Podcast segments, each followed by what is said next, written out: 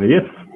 Hartelijk welkom uh, alle deelnemers aan deze sessie. Mijn naam is Ruud Kruijt. Ik ben werkzaam voor Platform 31 en ik ben vandaag uw moderator. Um, wat betreft de techniek, als u vragen heeft, als u met elkaar wil discussiëren, dan kan dat in de chat. Links ziet u een balkje met een uh, bolletje en als u daarin gaat staan, dan kunt u met elkaar chatten en ook vragen stellen. En ik zal proberen, zowel gedurende de uitzending als helemaal op het einde van de sessie, in wellicht nog een dialoog met de sprekers, deze vragen voor u te beantwoorden. Uh, mocht u problemen ondervinden, mocht u technische problemen hebben, dan kunt u altijd terecht in de helpdesk. Maar vaker werkt het beter, zoals ook net bij mij, om even opnieuw in te loggen en dan te starten, uh, opnieuw in te, in te loggen en daarmee uh, deel te nemen aan deze sessie. Um, wat wij vandaag in deze sessie gaan doen, is dat vanuit het programma Stedelijke Transformatie, we merken dat financiering en bekostiging van gebiedsontwikkeling echt wel een punt is, een aandachtspunt. En daar hebben we de laatste tijd veel aandacht aan besteed. En in deze sessie gaan we daar u een overzicht van de laatste stand van zaken geven.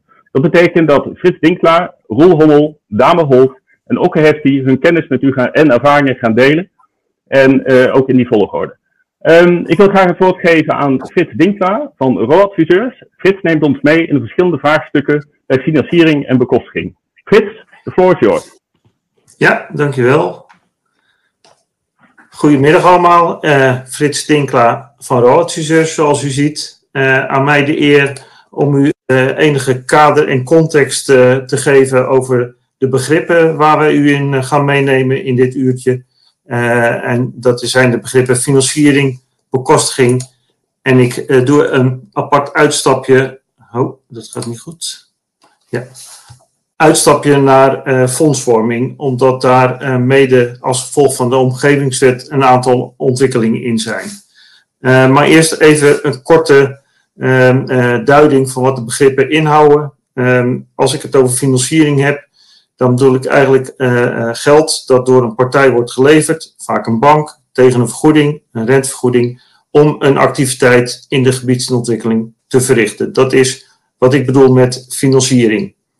Bij bekostiging eh, hanteer ik eigenlijk de volgende uh, definitie. Dat is uh, op het moment dat een baathebber van die activiteit, of dat nou een direct baat is of een indirect baat is, uh, als die aanwezig is en die baathebber is ook bereid of wordt gedwongen via wetgeving om daar kosten in te betalen. Dat is het, wat ik bedoel met het begrip kostiging als ik zo direct daar verder op inga. En het begrip fondsvorming uh, is een, een vrijwillig of verplichte financiële bijdrage die uiteindelijk vanuit een partij aan een andere partij wordt gegeven om een bepaalde activiteit te financieren. Om die begrippen nog wat in een uh, context te zetten, heb ik een, uh, zo'n mooi spinweb overzicht gemaakt. Um, waarbij u op de horizontale as ziet de business case. Rechts is die positief links is die negatief. En op de andere as ziet u het maatschappelijk rendement. Um, even kijken, de volgende sheet. En ik uh, focus mij vooral op uh, gebiedsontwikkelingen waar een maatschappelijk rendement op zit. Want ik vermoed dat heel veel overheden, als het aan de onderkant van het web zit, daar niet aan zullen gaan meewerken. En dus geen planloze ruimte creëren om dat te laten zien. Of ze laten het helemaal los. En dan is het eigenlijk gewoon de markt die het zelf of, wel of niet oppakt. Maar dan hebben we het vaak niet over de, gebieds, de stedelijke transformaties. Volgens mij gaat het nog iets te snel. Um, als je aan de rechterkant van het kwadrant zit, heb je of een positieve business case. Dan denk ik dat uh, alle zijn op groen staan voor financiering en dat banken bereid zullen zijn om in te stappen.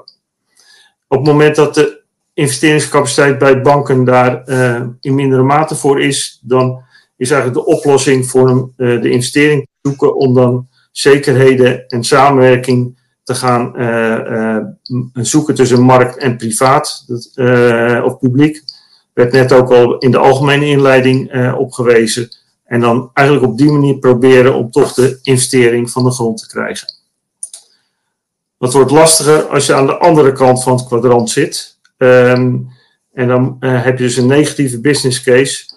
Um, maar je hebt wel in principe investeringsbereidheid. Dan komt denk ik de, uh, het instrument als financieringsfaciliteit, uh, waar zo direct een concrete casus voor besproken zal worden. En ook revolverende fondsen in beeld om uiteindelijk de financiering te regelen.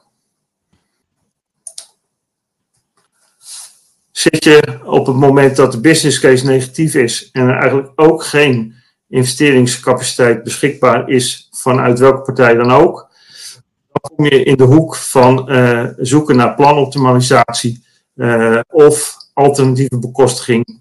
Uh, lees andere manieren om uiteindelijk de, baat, de kosten vanuit de baathebber richting de ontwikkeling te krijgen. Daar ga ik zo direct nader op in. Ik doe eerst even een tussenstapje. Uh, want uiteindelijk de investeringsbereidheid is uiteindelijk een samenspel tussen uh, partijen. Ehm, en dit plaatje geeft eigenlijk een overzicht voor hoe dat altijd in een aantal stappen uh, gebeurt en waarbij eigenlijk de waardeketen gecreëerd wordt.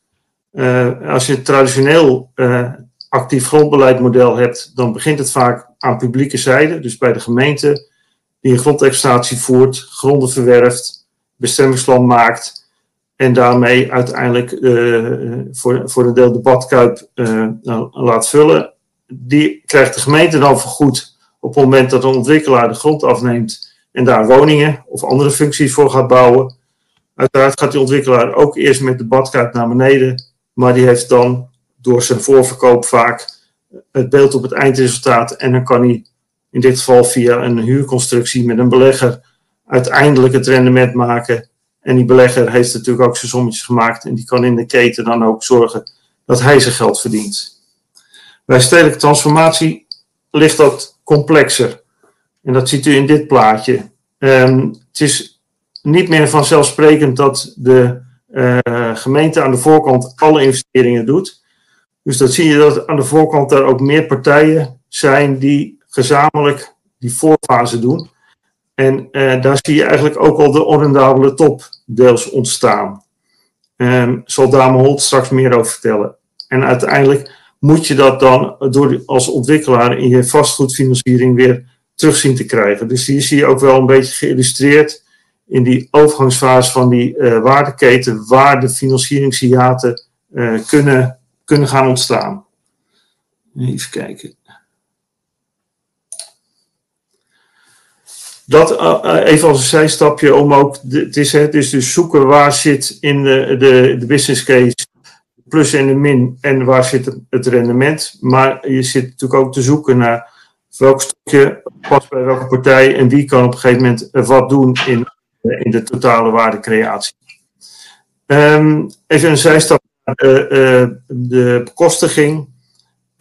Dat heeft op dit moment warme aandacht binnen het Rijk. En uh, dit is een plaatje uit een studie van het uh, Centraal Planbureau naar profijt en bekostiging van ruimtelijke ontwikkeling. En ik ga hier verder niet inhoudelijk op in, maar ik laat het even zien om te duiden dat het Rijk best wel aan het nadenken is over andere vormen van geld naar gebiedsontwikkeling te halen. onder andere als baatbelasting, onroerende zaakbelasting heffing daarop, zodat er ook op andere manieren geldstromen kunnen ontstaan om die uh, onrendabele toppen in de gebiedsontwikkeling uh, te financieren.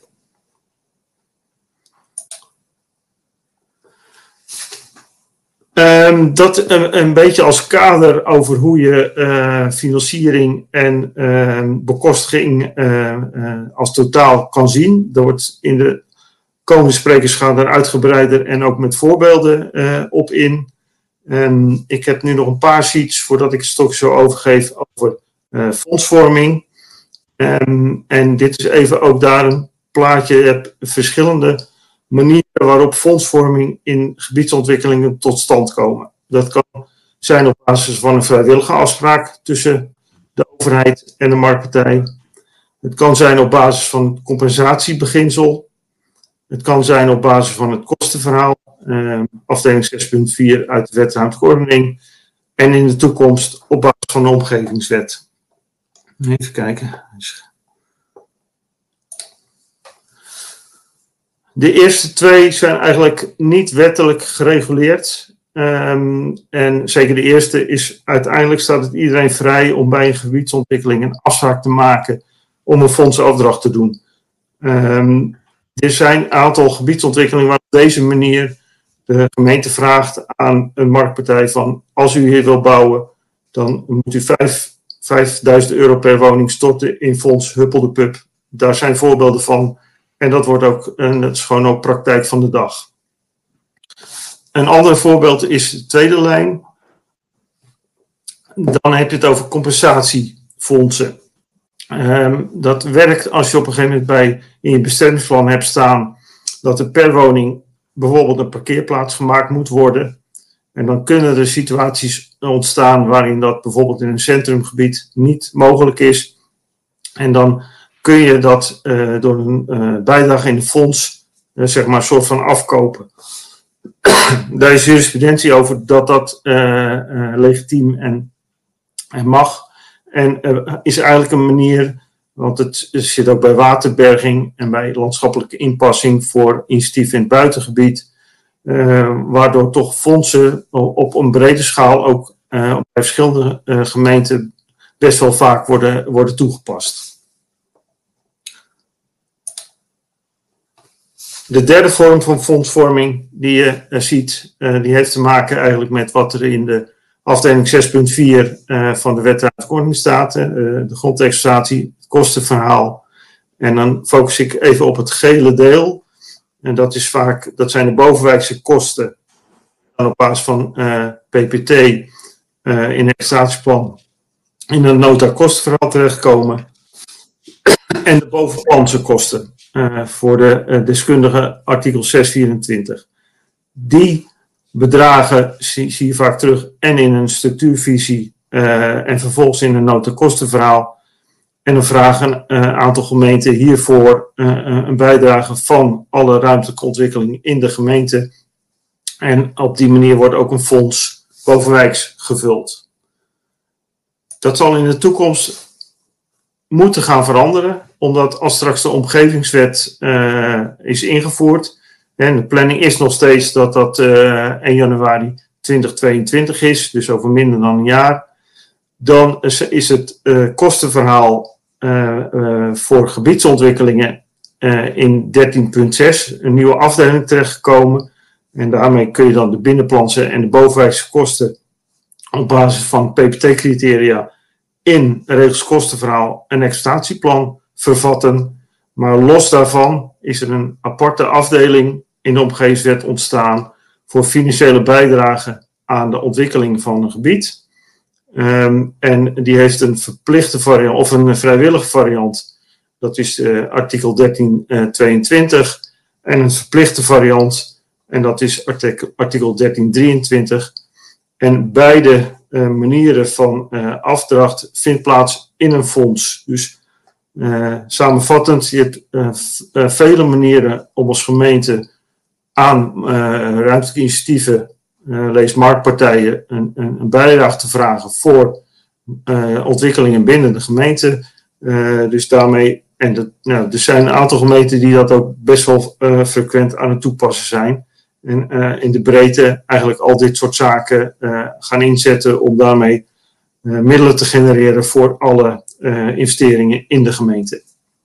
Volgens mij is dat mijn laatste sheet. Ben ik binnen de tijd gebleven? Heel, uh, heel mooi, eh, Frits. Het is een duidelijk verhaal volgens mij. Er zijn ook eigenlijk geen echte vragen gesteld. Dus volgens mij heb je echt een heel mooie inleiding gegeven op, op deze financiering en bekostiging. wat één vraag van de deelnemer wordt, de, de, presentatie van ons wordt allemaal opgenomen. Dat wordt na afloop gedeeld en dat kunt vinden op stedelijketransformatie.nl. Frits, mag ik jou danken voor jouw presentatie. We gaan nu door met Roel Hobbel. Twee jaar geleden is de financieringsfaciliteit geïntroduceerd. Hiermee kunnen private partijen voor risicovolle projecten financiering aanvragen bij het uh, eh, SVN. Ehm, Roel Hobbel, adjunct directeur financiën bij de Nederlandse Bouwunie, een ontwikkelend bouwbedrijf uit het zuiden van het land, gaat u meenemen met zijn ervaringen en ook de kennis delen ten aanzien van het Nibit-terrein in Breda. Roel, aan jou het woord. Ja, goedemiddag allemaal. Ehm, ik ben inderdaad gevraagd om vanuit mijn rol een toelichting te geven op een voorbeeld van een ontwikkeling En hoe je dan financieringsvraagstuk kunt, kunt invullen. In dit geval vanuit de private hoek. we zijn een ontwikkelende bouwer in de regio Zuidwest-Nederland. En ehm, we hebben in dit voorbeeld een samenwerking gezocht tijdens eigenlijk de afgelopen crisis uh, die achter ons ligt uh, met, met een collega ontwikkelaar, bouwer Maas Jacobs, ook in deze regio gevestigd. Wij zijn nabij Breda, zijn we actief in Rotterdam en omstreken en in Zeeland ook. we zijn gestuurd op een, een terrein in, in Breda in 2015 voor de eerste keer. Toen hebben we een eerste poging gedaan om daar een, een soort van gebiedsvisie en een verkenning met de gemeente en met op dat moment ook een woningcorporatie te doen. dat is toen nog op niets uitgelopen, maar in 2017 kwamen we in contact met de eigenaar van de locatie, Kerry Nederland. En Kerry had daar een fabriek staan waar het bekende Nibbit chips zoutje werd gemaakt. en ja, dat was een, een locatie die inmiddels was ontmanteld, waar geen productie meer plaatsvond. Maar eigenlijk gelegen, ja, grenzend aan de woonwijk die u aan de linkerkant, uh, bovenkant ziet in Breda. Een, een, woonwijk waar heel veel sociale huur is en waar eigenlijk tot aan de, de randweg die, die u aan de, aan de onderkant van, van de linkerpagina ziet, is gelegen. het is een binnenstedelijk vervallen, verlaten fabrieksterrein en wij hebben daar een, een visie op, uh, opgemaakt. Die ziet u uh, rechtsonder naar een binnenstedelijke transformatie. Wij hebben vervolgens de locatie verworven. in 2017 de acquisitie gedaan en in 2018 hebben we hem echt op naam gekregen. vervolgens zijn we in de tussentijd gaan slopen, ehm, grotendeels slopen.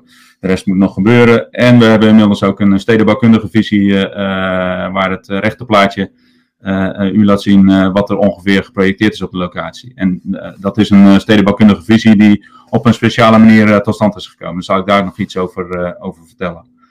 Um, uiteindelijk heet het project Blossom Breda. Um, en zijn we op weg naar de start daarvan.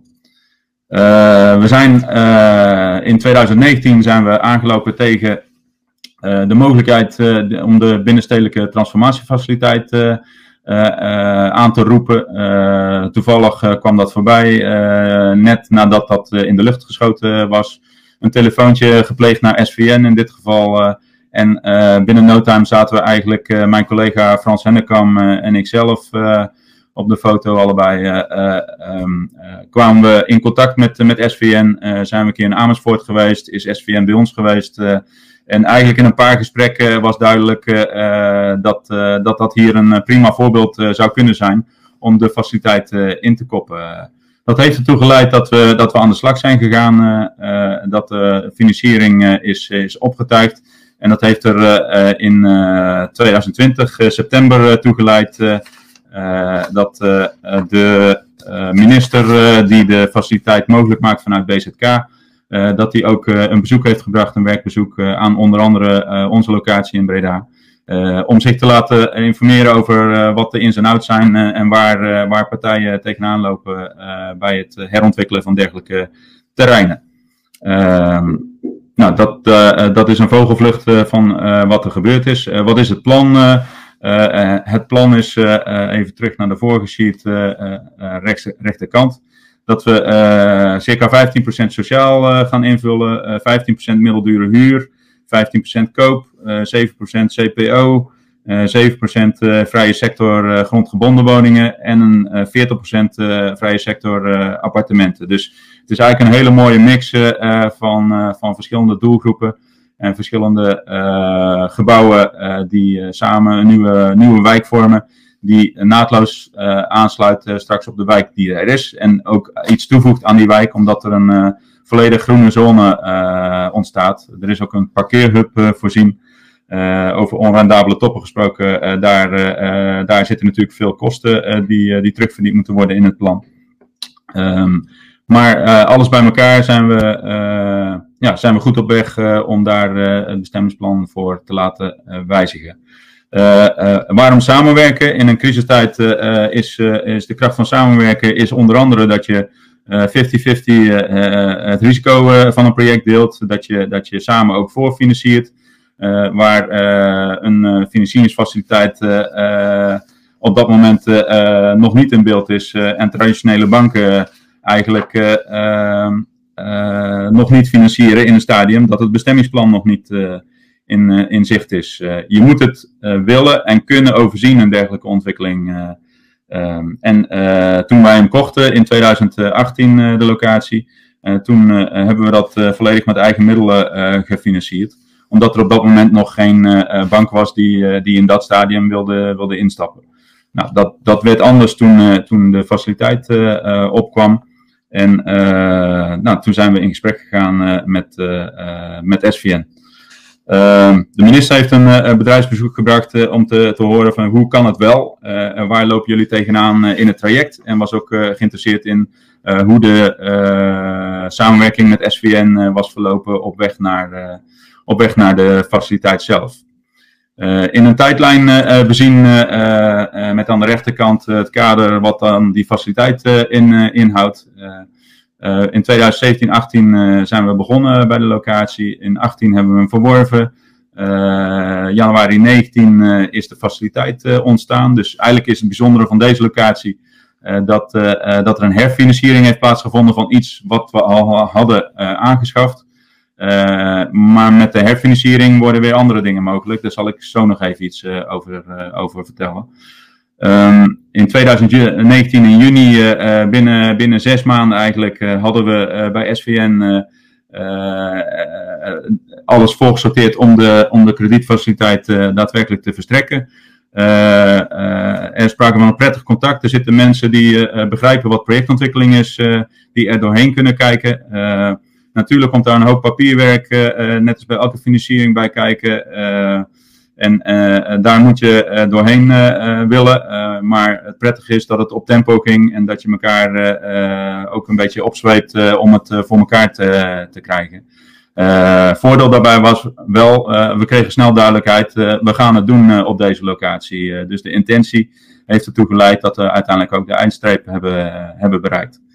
Um, uh, ik heb één foutje gemaakt in de sheet, uh, zag ik later. Uh, de twee jaar aan de linkerkant moet, moet zijn drie jaar. de jaren gaan snel, maar niet zo snel uiteindelijk. we hebben in totaal 4,5 jaar straks, en dat is relatief kort voor een grote gebiedsontwikkeling, gedaan over het verwerven van een locatie. Tot en met het starten van de eerste fase van de bouw van, van deze locatie. Dat is mede dankzij de gemeente Breda. Eh, dat we zover zijn gekomen. Eh, ze hebben een uh, Lef en Liefde plan en een versnellingsopgave in, in Breda geïntroduceerd. waarbij wij in 100 dagen met elkaar een, een stedenbouwkundig plan hebben, hebben gemaakt. op, een, op een manier die niet de traditionele lijnen volgt. We zijn echt samen aan tafel gegaan uh, met de gemeente en uh, met maar één doel, samen doorpakken op weg naar, uh, naar het mogelijk maken van deze locatie. inmiddels zitten we vanuit die stedenbekundige visie zitten we richting het bestemmingsplan. Um, een randvoorwaarde van de, van de faciliteit, en dat is mijn laatste sheet, is dat er een, een multiplier effect mogelijk zou, zou moeten zijn. in ons geval hadden we natuurlijk de locatie al gekocht. Die was betaald met eigen middelen. Maar door de middelen die vrijkwamen, uh, waren we in staat om, om het vliegwiel te hanteren. en hebben we van, van het ene project hebben we meer gemaakt in dezelfde lijn en in dezelfde sfeer ook binnen stedelijke transformaties. zo hebben we van, van het carryterrein deel 1 uh, van 350 woningen hebben we uh, de middelen die vrijkwamen gebruikt om een andere locatie, ook binnenstedelijk in een, in een verpauperde situatie, een nieuwbouwwijk te ontwikkelen, zodat de mix tussen koop en, en huur daar meer op orde kwam. daar zijn we inmiddels ook aan, aan, aan het bouwen. vervolgens hebben we de middelen die daaruit vrijkwamen, hebben we weer gebruikt, ook samen in de combinatie om het plan Kerry nog groter te maken. We hebben aan de randen nog een aantal deellocaties verworven, waardoor het plan van 350 woningen initieel is gegroeid tot 600 woningen inmiddels. Of 600 eenheden moet ik eigenlijk zeggen. En nou, met, die, met dat vliegwiel kunnen we ook weer naar andere locaties. we hebben een samenwerking met een corporatie opgezocht ook op de, op de Kerry-locatie. En doordat die corporatie hier een positie kan krijgen, corporaties hebben het ook moeilijk om aan, aan, aan locaties te komen. Uh, werd er weer een andere locatie, ook in de stad Breda, vloeibaar. In die zin dat we ook daar tot afspraken konden komen over, over het opstarten van een nieuw plan. En dan maak je van, van initieel 350 woningen op een mooi terrein wat je hebt gekocht, maak je uiteindelijk 750 woningen en vul je 12,5% van de totale opstart nieuwbouwcapaciteit in, in Breda in de coalitieperiode vul je in. Daar zijn we serieus trots op. En uh, dat is mede mogelijk gemaakt door de, door de financieringsfaciliteit van, uh, van BZK. Uh, in samenwerking, in goede samenwerking met, met SVN. Dus dat wil ik jullie graag toelichten. Super, Rolf. Volgens mij een hele mooie presentatie. Ook hier merk ik weer dat er weinig vragen zijn vanuit de deelnemers. Het blijkt is alles heel erg helder. u kunt via een chatfunctie een vraag stellen, mocht u dat wensen, beste mensen. Ron, mag ik jou danken voor deze presentatie. Fijn ook dat hier de vaart in zit. Ik krijg nog wel eens vanuit de praktijk mee dat het nog wel stokt. Maar hoe mooi is het dat jullie gewoon een project hebben waar het serieus om een omvang gaat. Ja. Waar het gewoon goed, goed gaat. Dus heel fijn om te zien. Um, wij, gaan, wij gaan verder met Dame Holt. Ik stel u graag voor aan Dame Holt, directeur-partner van de Rebel Group. Uh, Damo gaat u uh, meenemen in de onrendabele toppen en de lessen uh, met betrekking tot de woningbouwimpuls. Damo, aan jou het woord. Volgens mij moet je de camera nog even aandoen, dan kunnen mensen je ook zien. Ja, Ruud, ik hoop dat je me in ieder geval wel hoort. ja, dat gaat goed. Ik heb inmiddels twintig keer op het cameraatje gedrukt, maar ik krijg hem niet aan. Terwijl het net wel ging. Het geluid aan en uit lukt wel, maar het cameraatje aan en uit Oké, dan uh, zullen mensen het met jouw stem mogen doen. Dus moeten we misschien even wel, zo Je kunt wel de presentatie... ja, oké. Okay, Volgens mij kan ik hem wel doorklikken. Ja, is goed. Um, ik uh, zal uh, in het kort uh, twee dingen doen. Eén ehm, is een, een, overzicht geven van de belangrijkste bevindingen in het kader van het traject dat we eerder hebben gedaan, maar door de tijd heen nadrukkelijker is aangescherpt. verkenning naar de zogeheten onrendabele toppen in gebiedstransformaties. gebaseerd op onderzoek, onder andere in het kader van het programma Stedelijke Transformatie, waar een hoop van de mensen uh, die ook in deze uh, call aanwezig zijn, ook bij betrokken zijn geweest. Dus veel zullen het al kennen, dus ik hou het kort. En twee, een verdieping op een van de mogelijkheden om die onredabele toppen het hoofd te bieden, namelijk de woningbouwimpuls, die velen van ons ook de komende twee weken in spanning zal, zal houden. Um, even kijken. Yes. Um, kort samengevat uh, hebben we gekeken naar uh, de belangrijkste issues die uh, aan de private kant een probleem zijn in de business case en aan de publieke kant een probleem zijn in de business case. Um, waar Roel het net al had over het gebouw parkeren, zie je dat aan de private kant ook nadrukkelijk inderdaad terugkomen. In de transformaties natuurlijk heel vaak het fenomeen slopen, sanering en alles wat erbij hoort. En omdat we in de bestaande stad ontwikkelen, uh, is uh, het fenomeen boek- en verwervingswaarde ook een, een zeer regelmatig terugkerend item. beperkt resultaat vastgoed exploitatie zit vaak ook in verband met de druk op enerzijds de betaalbaarheid van wat er gebouwd moet worden. En de anderzijds de toenemende druk op de verduurzamingseisen die daaruit volgen. En aan de publieke kant zie je dat het meer in de omgevingsinvesteringen zit uh, openbare ruimte inrichten, uh, gebiedsinfrastructuur maken en niet in het minst, uh, hoewel die in het aantal keer genoemd is, wat minder vaak voorkwam. Maar de impact daarvan is vaak heel groot. hoofdinfrastructuur die ook gebiedsoverstijgend is. En voor dat alles moeten er vaak forse plankosten gemaakt worden. Um, onrendabele toppen komen gemiddeld genomen bij de private partijen in, in het onderzoek wat we hebben gedaan rond de helft van de gevallen. Ehm, ongeveer een derde zeker en het helft het vermoeden. en in de publieke kant wel meer dan drie kwart. die zeiden ja, maar hier, hier komen wij niet uit. we moeten als overheid meer betalen dan dat we of via grond of kostenverhaal of wat ook terugkrijgen.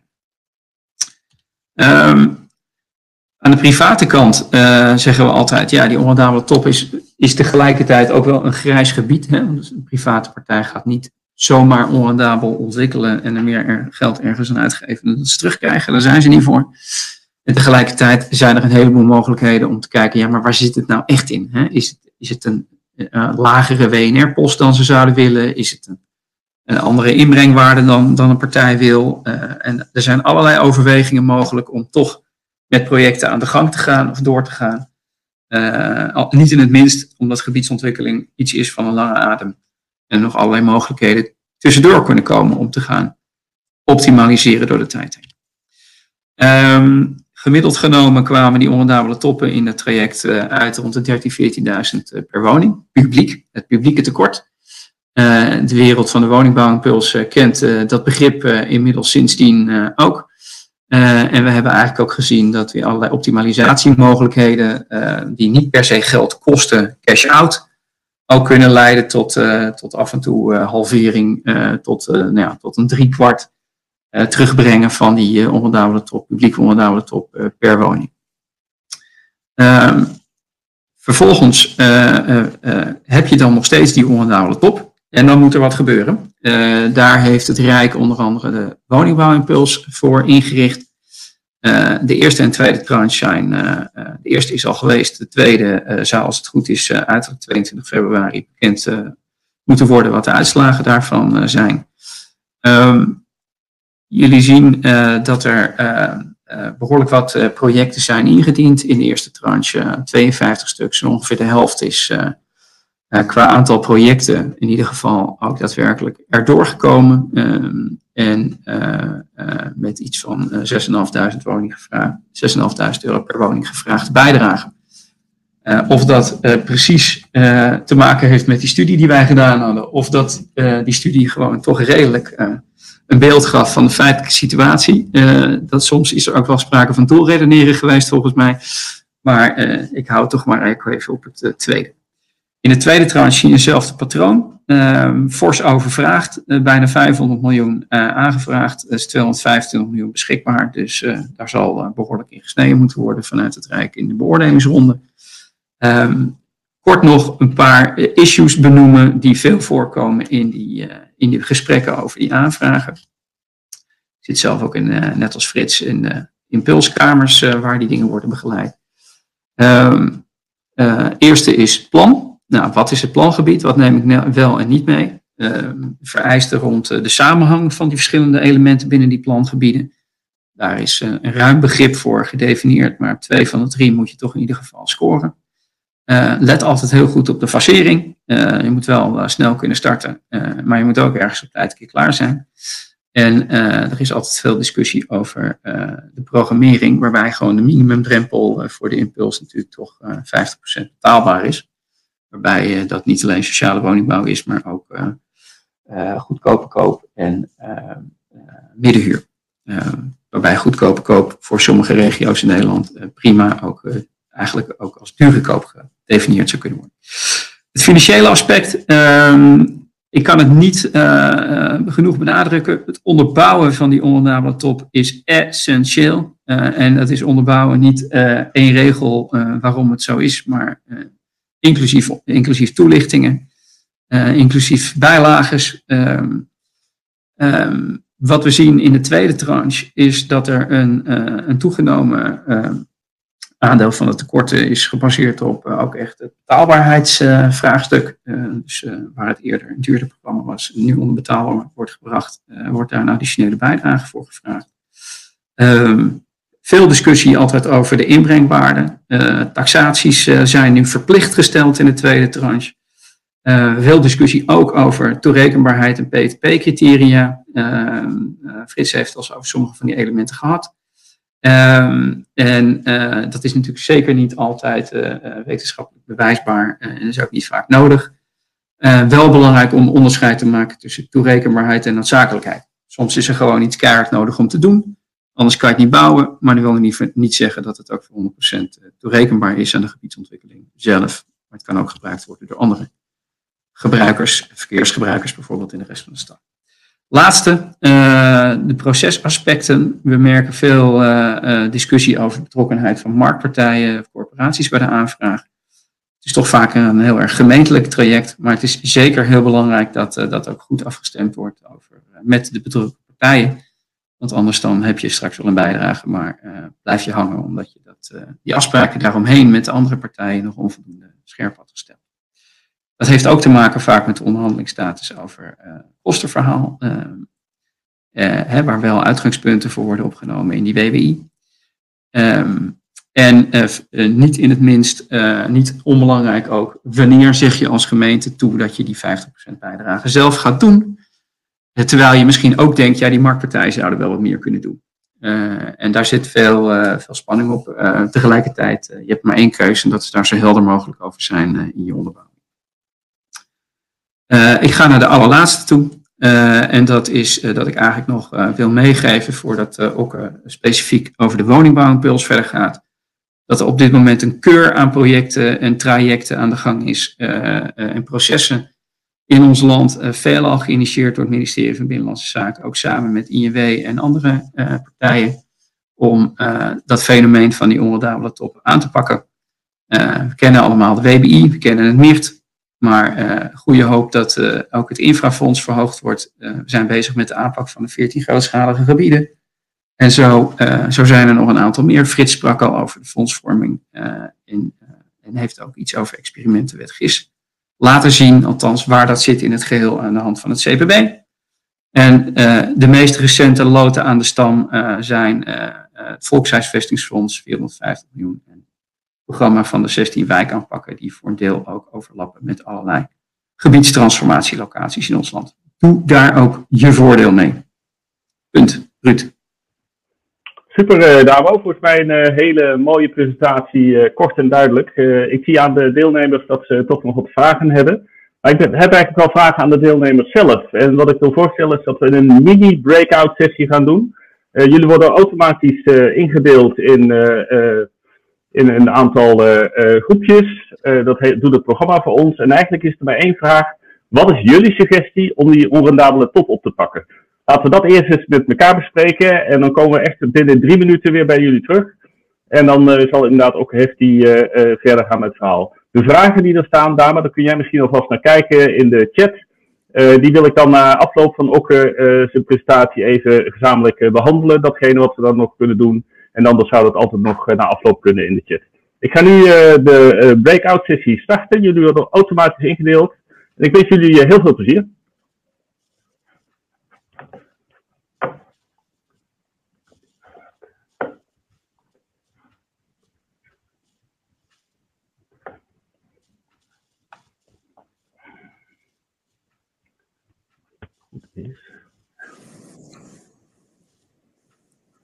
Zijn we nu weer uh, onder elkaar, uh, Ruud? Of?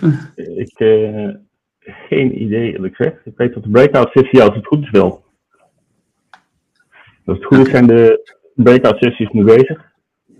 En anders heb ik iets verkeerd gedaan. Dan zitten mensen denken, joh, ik heb geen idee wat ik aan het doen ben. Dan mijn excuses bij deze namens de organisatie, want dan heeft deze presentator het totaal niet begrepen in de training. Um, dit doen wij een minuut of twee, drie en daarna... De camera doet het overigens weer. Dat is ook uh, ja, zie je Ja, ik heb hem net aangezet voor je. Uh, oh, dat deed jij?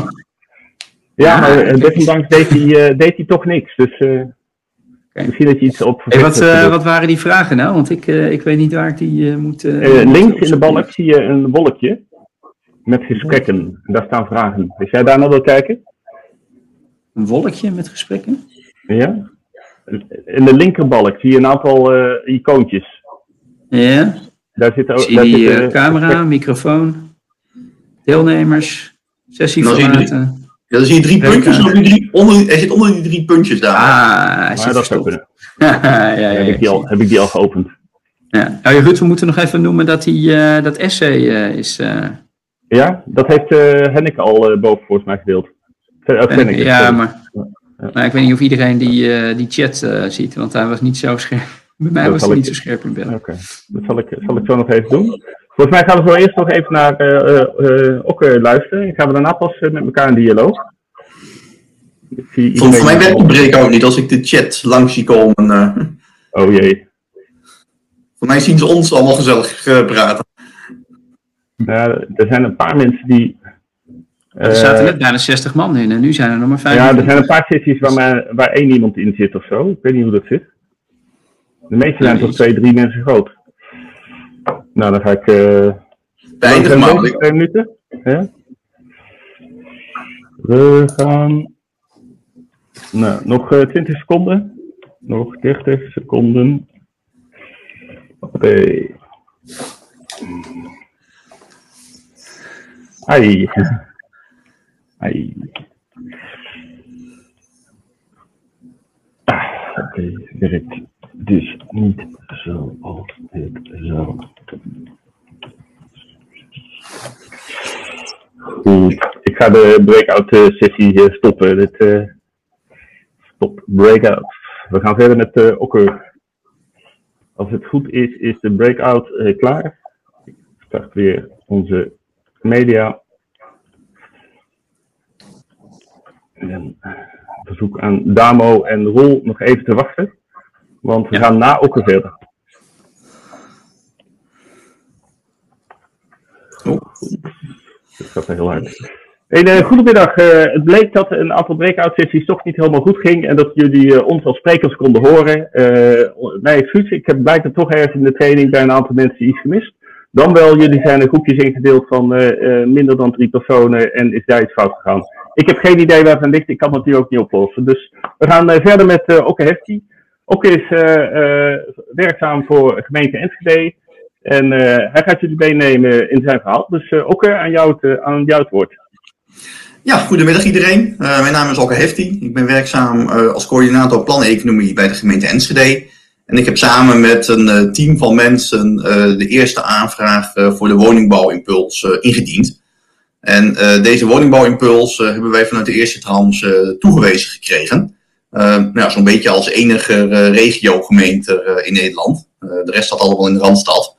Um, ik wil jullie nou graag even meenemen hoe we dat gedaan hebben en waar we nu staan. Um, Centrum is een van de vijf grote projecten waar we in Enschede mee bezig zijn. Het is feitelijk onze stationsomgeving die we hebben liggen, dus het hele gebied rondom het station. Vroeger noemen we dat spoorzone en tegenwoordig noemen we het uh, centrumkwadraat, omdat onze ambitie is om het ook onderdeel te laten zijn van een centrumstedelijke woonomgeving, waar voorzieningen, uh, werken en wonen bij elkaar komen. bij elkaar komen. Nou, het is een project waar we al best lang mee bezig zijn. Ik denk dat het al tien jaar ongeveer loopt. Uh, het is een periode geweest waarin we dat hele gebied stapje voor stapje aangepakt hebben en verschillende types grondbeleid ingezet hebben om het voor elkaar te krijgen. Uh, de moeilijkste stukken hebben we als gemeente zelf gedaan de relatief eenvoudige opgaves met één eigenaar en postzegelinvullingen, uh, dat hebben de marktpartijen gedaan. in totaliteit hebben we in deze periode ongeveer 800 woningen al gerealiseerd. Nou, als we dan gewoon kijken naar die onrendabele toppen waar Damo het over had, dan kan ik alleen maar van dromen in Enschede dat die zo laag zijn. Um, je kijkt bij ons grote project in Boddenkamp, dat is het gebied wat uh, linksboven uh, in beeld zit, daar hebben we in totaal 155 woningen gerealiseerd. Dat heeft ons in totaal 36.500 per woning gekost. Het stukje wat daar onderin zit in het blauw, dat was de spoorzone in de eerste fase. Dat heeft ons 83.000 euro per woning gekost. Uh, gedekt door een provinciale subsidie van 7 miljoen en eigen middelen van 7 miljoen. Allemaal uit de verkoop van Essent-gelden destijds. Um, en daarnaast hebben we een aantal faciliterende grondexploitaties gedaan, waarvan het oude Coberco-terrein, waarvan één eigenaar was, de Rabobank, uh, hebben we via het faciliterende grondbeleid tot ontwikkeling gebracht. Als we nou gewoon kijken van wat dan de gemiddelde uh, onrendabele top is geweest, als we zeg maar de onrendabele stukken en de, en de rendabele stukken bij elkaar op hebben geteld, dan kwamen we gemiddeld ongeveer uit op 25.000 per woning. Dus dat is aanzienlijk hoger dan in de Randstad. Zal er ongetwijfeld ook mee te maken hebben dat wij hier in Enschede niet alles stapelen, maar ook heel veel in het grondgebonden segment terugbouwen. Nou, dan gaan we Afgelopen jaren hebben we dus nou, nou ja, toch nog wel de relatief eenvoudige gebieden tot ontwikkeling gebracht. Nu zijn we echt gekomen bij het hart, dus het gebied rondom het station zelf, wat zeg maar echt een hoofdstedelijk woonmilieu uh, moet gaan worden. Uh, dat project hebben we opgestart vanuit de verschillende strategische doelen die we hebben, zoals het aantrekken en behouden van talent, het verbeteren van de bereikbaarheid van banen, vooral de duurzame stad en de klimaatadaptieve stad en de inclusieve stad. Uh, in de aanvraag hebben wij in totaal 80% van de woningen in het betaalbare segment zitten. De eerste fase die we ingediend hebben, dat zien we op deze kaart. Die bestaat uit een combinatie van uh, investeringen in de openbare ruimte, een actieve grondexploitatie waar we als gemeente zelf mee uh, aan de gang gaan om grondeigendommen te verwerven en het gebied te ontwikkelen, en een aantal faciliterende projecten. die hebben allemaal samengebost tot één aanvraag en die hebben we toegekend gekregen. Hm. Nou, de woningbouw bestond uit een aantal deelgebiedjes. Het eerste deelgebiedje, dat is wat wij noemen het Pakhuiskwartier. Daar zijn wij samen met een woningbouwcorporatie bezig om hun bestaande bezit in te brengen. Dat gaat dan betrekking hebben op de sloop van 85 woningen en het terugbouwen van 116 woningen. Dan zijn we nu bezig voor om een tender te organiseren in de markt. dat doen we samen met de corporatie in de vorm van een gezamenlijke tender. het tweede onderdeel betreft een woningbouwcorporatie die daar op een locatie binnenstedelijk 200 sociale woningen gaat realiseren. Dat wordt via het faciliterende grondbeleid afgehandeld. En dan zijn we nu bezig met de laatste hand van de exploitatieovereenkomst. Dan hebben we het gebied 3, dat is zeg maar het stationsplein. Dat hebben we uh, in uh, stukjes verdeeld in een drietal individuele projecten, die we in samenhang tot ontwikkeling proberen te brengen. Nou, de twee intentieovereenkomsten hebben we liggen en dan zijn we bezig met de exploitatieovereenkomsten. En de andere die willen we graag. Daar hebben we een soort van ontwikkelkader voor gemaakt. Het vierde deel, dat is weer een stuk actief grondbeleid. Dat betreft de invulling van dat stuk. En daar komen ongeveer 90 woningen te staan. En vijf is wat wij zeg maar, de voormalige brandweerlocatie noemen. Uh, dat is een stuk waar nu nog een paar gemeentelijke diensten gehuisvest zitten. Die verhuizen. En dan gaan we dat gebied ook transformeren tot een hoogstedelijk woningbouwmilieu. Nou, dat kan allemaal alleen als we zeg maar, de openbare ruimte aanpassen. Uh, op dit moment is de openbare ruimte ingericht als het nou primair gericht op de auto en het doorgaande verkeer. Wil je hier zoveel woningen kunnen realiseren, dan moet dat gewoon een heel aantrekkelijk wonen- en verblijfsklimaat worden. Waarbij we de hele openbare ruimte uh, gaan aanpassen, zodat het autoverkeer er allemaal uitgaat. En dat het fiets- en voetganger uh, het primaat in dit gebied gaat krijgen. Hm. Nou, een paar plaatjes van hoe de visies eruit zien linkerplaatje zie je het, uh, de ontwikkeling ten, tegenover ons gemeentelijke stadskantoor. In het midden zie je het hele pakhuiskwartier wat we samen met de woningbouwcorporatie ontwikkelen. Nou, en helemaal rechts zeg maar, is een compleet nieuw stationsplein. Uh, waar we mee bezig zijn om dat te ontwerpen. Zodat ook het station een aantrekkelijke woonomgeving kan gaan worden. Nou, dan komen we bij de business case. Nou, dat was nog een vrij ingewikkelde. Um, vanuit de subsidievoorwaarden zijn hele specifieke voorwaarden gesteld waar de uh, business case aan moet voldoen. Maar je hebt ook een feitelijke business case binnen de gemeente. En in de subsidievoorwaarden waar we tegenaan liepen, is dat er twee grote verschillen zijn. Enerzijds heb je het over de discussies die je hebt in de openbare ruimte. Dat je op basis van PPT-criteria daar slechts een deel van de kosten aan kunt toerekenen. Um, nou, voor de woningbouwimpuls uh, uh, snap ik dat. Maar ik als gemeente kan niet een 35% straat of een 27% plein aanleggen. Je moet alles aanleggen. Dus je moet uiteindelijk wel alle kosten als gemeente zelf gaan maken. Nou, dat zorgt voor verschillen in, in de kosten. Een tweede verschil is dat stille reserves uh, meegenomen mogen worden. Uh, in de vorige uh, economische crisis hebben wij in Enschede heel veel van onze grondposities allemaal afgeboekt. nou, vanuit de woningbouwimpuls moesten die tegen marktwaarde ingebracht worden. Dat is heel leuk, maar vanuit de gemeentelijke administratie geldt gelden andere richtlijnen, dan moet je hem gewoon tegen boekwaarde inbrengen. Nou, daar zit bij ons ook nog een verschil van 4,3 miljoen. Nou, ik heb dit staatje bij ons aan onze raadsleden proberen uit te leggen. Ik kan je vertellen, dat is buitengewoon ingewikkeld. Uh, ik denk niet dat ik daarin geslaagd ben. Uh, maar de komende periode zal ik dat nog, toch nog vaker moeten proberen om dit verschil over de buren proberen te krijgen. Nou, wat is er gebeurd sinds de toewijzing? Wat we gemerkt hebben is dat er ontzettend veel belangstelling is ontstaan. Uh, ook vanuit andere locaties die we helemaal niet voorzagen. Uh, dat ook partijen daar in één keer in beweging gaan komen. Uh, wat we zien is dat marktpartijen het vertrouwen hebben dat de overheid nu echt gaat investeren. en ze hebben ook het vertrouwen dat het hele stationsomgeving echt een aantrekkelijk woongebied gaat worden. Dus wat we, wat we zien is dat er een enorme belangstelling is om veel meer projecten te gaan realiseren dan we ten tijde van de woningbouwimpuls voorzien hadden. En waardoor er uiteindelijk ook veel meer woningen gerealiseerd kunnen worden. Nou, waar we wel tegenaan lopen, is dat al die voorzieningen rondom het centrum wel allemaal parkeren vergen. En dat parkeren allemaal op individueel niveau niet opgelost kunnen worden. En dat daar eigenlijk iets centraals voor geregeld moet worden. Maar dat hebben we niet. Dus heel veel discussies waar we op dit moment tegenaan lopen, die lopen vast op het parkeren. En daar moeten we nog een, ja, nog, nog, ja, die knoop moeten we nog zien te ontwarren en daar een oplossing voor verzinnen. Nou, en wat we gewoon sinds die tijd zien, is dat de woningnood alleen maar is toegenomen. En dat er nagenoeg niks meer te kopen is in NCD. Zo'n uh, vijf, zes jaar geleden stonden er nog zo'n 2, 2.500 woningen te koop. Op dit moment zijn het ongeveer 200, 300. Dus dat geeft aan dat er echt enorme woningnood is. Nou, wat we ook zien is dat we het qua ambtelijke capaciteit eigenlijk nauwelijks meer kunnen bijbenen uh, op dit moment. Uh, er is zoveel belangstelling en zoveel partijen willen van alles tegelijk. We zijn toch nog met een vrij kleine uh, bezetting bij ons in Enschede. Ja, dat dingen toch in de vertraging schieten, omdat we te weinig mensen hebben om het allemaal voor elkaar te gaan krijgen. Nou, wat we ook zien is dat we graag willen versnellen. We gaan ook bezig met een paar andere lastige locaties, um, die ook onrendabel zijn. En het ontbreekt zeg maar aan middelen om daadwerkelijk die uh, tweede fase voor elkaar te gaan krijgen. We willen wel, maar we missen de mensen en we missen de middelen om het voor elkaar te gaan krijgen. Een derde punt waar we tegenaan lopen, is dat we ook heel graag met het stationsgebied zelf aan de gang willen, dus met het station zelf. Maar dat we ook zeg maar, de uh, infraspelers die in dat gebied zitten, ook meer moeten gaan krijgen in onze opgave. Nou, dat is ook een best een lastige opgave om, uh, om dergelijke spelers mee te krijgen in de totale ambitie van het gebied die we hebben zien. Nou, en als we dan nog even naar de woningbouwimpuls uh, en de evaluatie kijken die op dit moment gaande is. Uh, waar wij vanuit de regio voor pleiten, is dat uh, het criterium urgentie anders geformuleerd wordt, want liefst helemaal uitgaat. Want wat we zien is dat er nu overal woningnood is. Of je nou in de Randstad zit of je zit in de regio. En wij in Enschede moesten nou met een 10-0 achterstand bij onze eerste aanvraag beginnen. Omdat bij ons, op basis van Primos, de woningnood 0 punten was. Dus dan kreeg je 0 punten van de 40 punten. Dus dan moet je verder een hele goede aanvraag hebben om er doorheen te komen. Nou, dat is ons blijkbaar in Enschede voor de eerste aanvraag gelukt.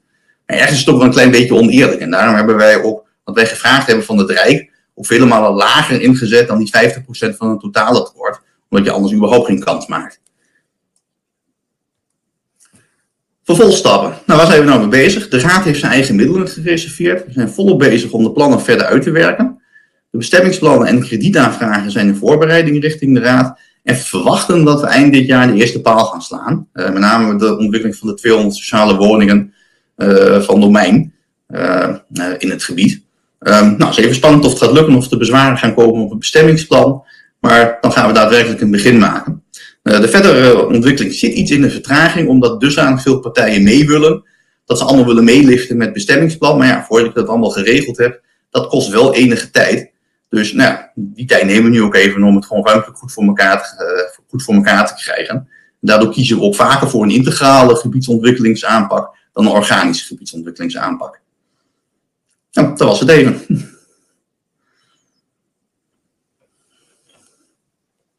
Oké. Okay. Mijn niet. Even kijken, ik heb een vraag in de chat. Ik weet niet of die mag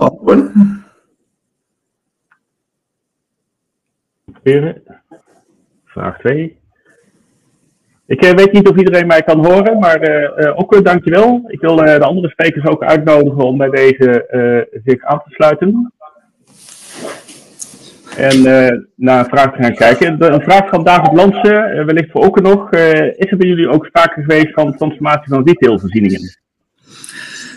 Um, niet in dit directe gebied zelf. Uh, wel heel veel transformatie van kantoorvoorzieningen naar woningen. Die zitten er echt integraal in. Uh, hart zit net iets verder uh, weg van het spoor. Um, bij het stationsplein zelf dan gaan we juist kijken of we voorzieningen kunnen toevoegen in plaats van weghalen. Zodat we op basis van metromix daar echt een heel aantrekkelijk woon, leven en werkklimaat gaan krijgen. De transformatie van retailvoorzieningen speelde eigenlijk nog niet, kantoren des te meer. Heel goed. Damo, je hebt ongetwijfeld uh, de kans gekregen om even naar de vragen te kijken. Ja, ja ik, uh, ik onderscheid uh, volgens mij drie onderdelen. Dus één ehm, is, is de vraag over winkels en transformatie naar wonen van, van David, dat onderwerp. Ik heb overigens zelf ook in de in Noord-Holland daar meegekeken op een programma daarvoor. Um, mij is geen studie bekend, zoals dat wel voor gebiedstransformaties is, waar specifiek voor wonen in plaats van winkels, zeg maar, dat soort business cases zijn gemaakt. Dus dat, misschien is dat nog iets wat in retail met betreffende provincies en het Rijk op zou kunnen pakken. Want ik denk inderdaad dat het verstandig is. Ik zie daar ook steeds meer noodzaak toe. Twee is ehm, de vraag rondom tips voor krimp- en anticipeerregio's. die vanwege de 500 woningen grens niet zozeer makkelijk met de WBI mee kunnen doen. Ehm, ik heb daar vier punten voor. Eén is de WBI wordt mogelijk verlaagd naar 250 woningen op basis van een motie vanuit de Tweede Kamer. Waarvan ik weet dat BZK die liever niet uitvoert uh, om de boel uh, gefocust uh, in te kunnen zetten. maar ja, we zullen zien waar de politiek toe komt. twee is dat er natuurlijk een aantal regio-deals zijn gemaakt, bijvoorbeeld in Parkstad Limburg en ook in Groningen. En dat mijn vermoeden is dat BSK dat instrument graag uitbreidt en meer inzet. En die krimp- en anticipeerregio's daarbij ook zeker op het netvlies heeft. Daar komt ook geld bij kijken. Drie, uh, er zijn een aantal 16 stedelijke vernieuwingsgebieden. Daarvan zijn er een paar die ook in de krimpregio's liggen, bijvoorbeeld uh, Heerlen Noord. En vier, en dat is eigenlijk de allerbelangrijkste, het Volkshuisvestingsfonds, wat nu recentelijk is aangekondigd. Waar 450 miljoen beschikbaar is, die wel echt specifiek is bedoeld voor of die 16 stedelijke vernieuwingsgebieden, of de 13 krimp-anticipeerregio's. Uh, en dat is toch een behoorlijke pot met geld. Overigens met nadruk ook gefocust op de particuliere voorraad. Dus ik ben ook heel benieuwd of we dat allemaal ook op die manier weggezet krijgen. Maar uh, dat is nog een volgende vraag. Oké. Okay. Ik, ik, zag al dat dank vanuit David Lansen voor dit heldere betoog.